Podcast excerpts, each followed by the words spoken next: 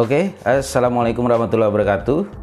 Bagaimana kabar semuanya? Masih sehat dan alhamdulillah selalu sehat ya.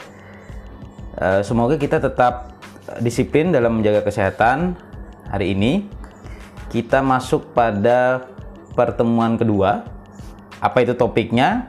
Nah, nanti topiknya akan saya ceritakan sebelum uh, materi isi ya. Yang jelas nanti saya mau ngambilkan cerita dulu. Nah, rekan-rekan sekalian pernah menonton kartun SpongeBob dong? Oke, tahu kan tokoh-tokoh di dalamnya?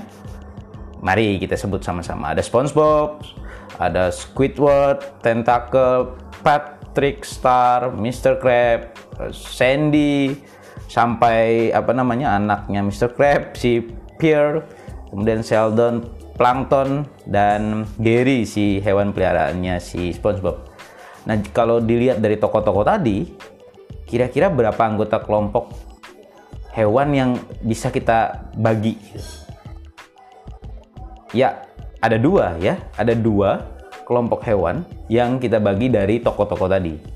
Ada hewan yang bertulang belakang atau kita sebut vertebrae dan hewan tidak bertulang belakang yang kita sebut invertebrate.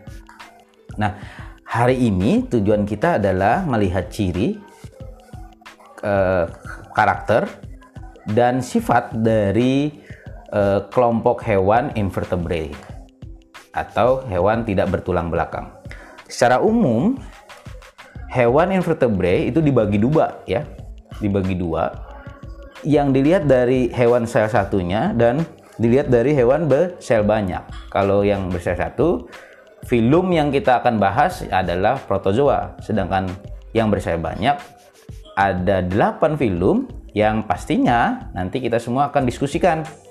Misalnya hewan berpori yang kita sebut porifera, berongga Colenterata atau sebut Solenterata, Platyhelminthes, cacing pipih, Nemathelminthes, Annelida, Mollusca, Arthropoda, dan Ersinodermata. Nah nanti setelah kita membahas itu, kita juga melihat tuh apa sih pembedanya gitu, apa sih ciri yang khususnya. Misalnya simetri tubuh.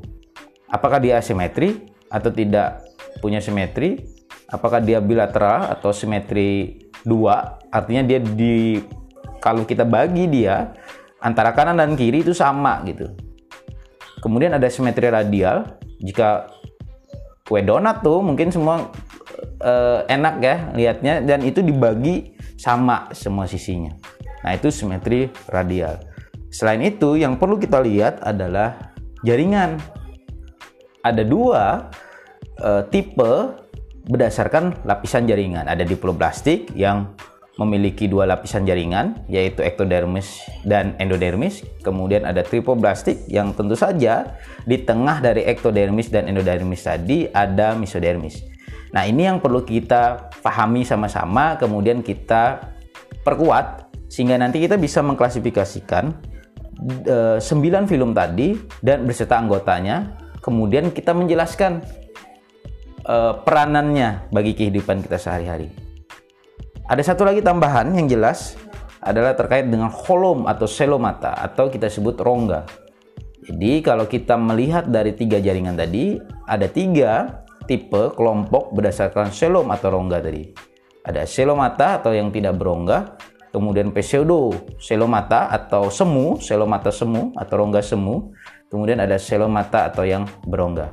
Nah ini kemudian dapat kita bikin uh, semacam pohon pembagi lah, pembeda antara uh, hewan antara film-film invertebrata dari yang parazoa yang atau kita sebut tadi bersel satu dan metazoa yang bersel banyak. Kemudian kita lihat dari jumlah jaringan.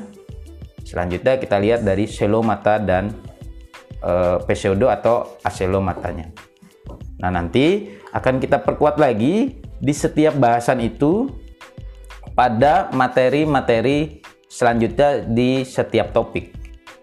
Lalu kita coba nanti di akhir membuat matriks atau tabel pembeda agar nanti kita dapat mudah, lebih mudah menjelaskan kepada uh, teman-teman atau orang lain atau nanti kalau kalian jadi guru menjelaskan kepada siswanya tentang perbedaan dari 9 film ini.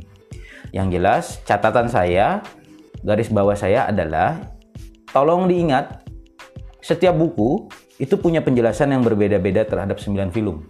Bisa 8, bisa 9, tergantung apa. Yang jelas, seseorang harus menjelaskan apa pembedanya. Apa karakternya, apa cirinya. Itu yang paling penting. Jangan membuat orang lain menjadi bias atau bias terhadap penjelasan-penjelasanmu karena tidak dijelaskan apa pembeda itu. Nah, mudah-mudahan apa yang sudah kita jelaskan hari ini, kita diskusikan hari ini menambah wawasan, kemudian bisa kita aplikatifkan setidaknya kita mengurangi dari mismatch atau kesalahan penjelasan kepada siswa nantinya. Mungkin itu saja penjelasan dari saya. Mudah-mudahan nanti kita tetap sehat. Kita ketemu lagi di minggu depan di pertemuan selanjutnya. Uh, Pesan saya adalah seperti lagunya Padi, ingat pesan ibu ya, menjaga jarak, memakai masker dan mencuci tangan.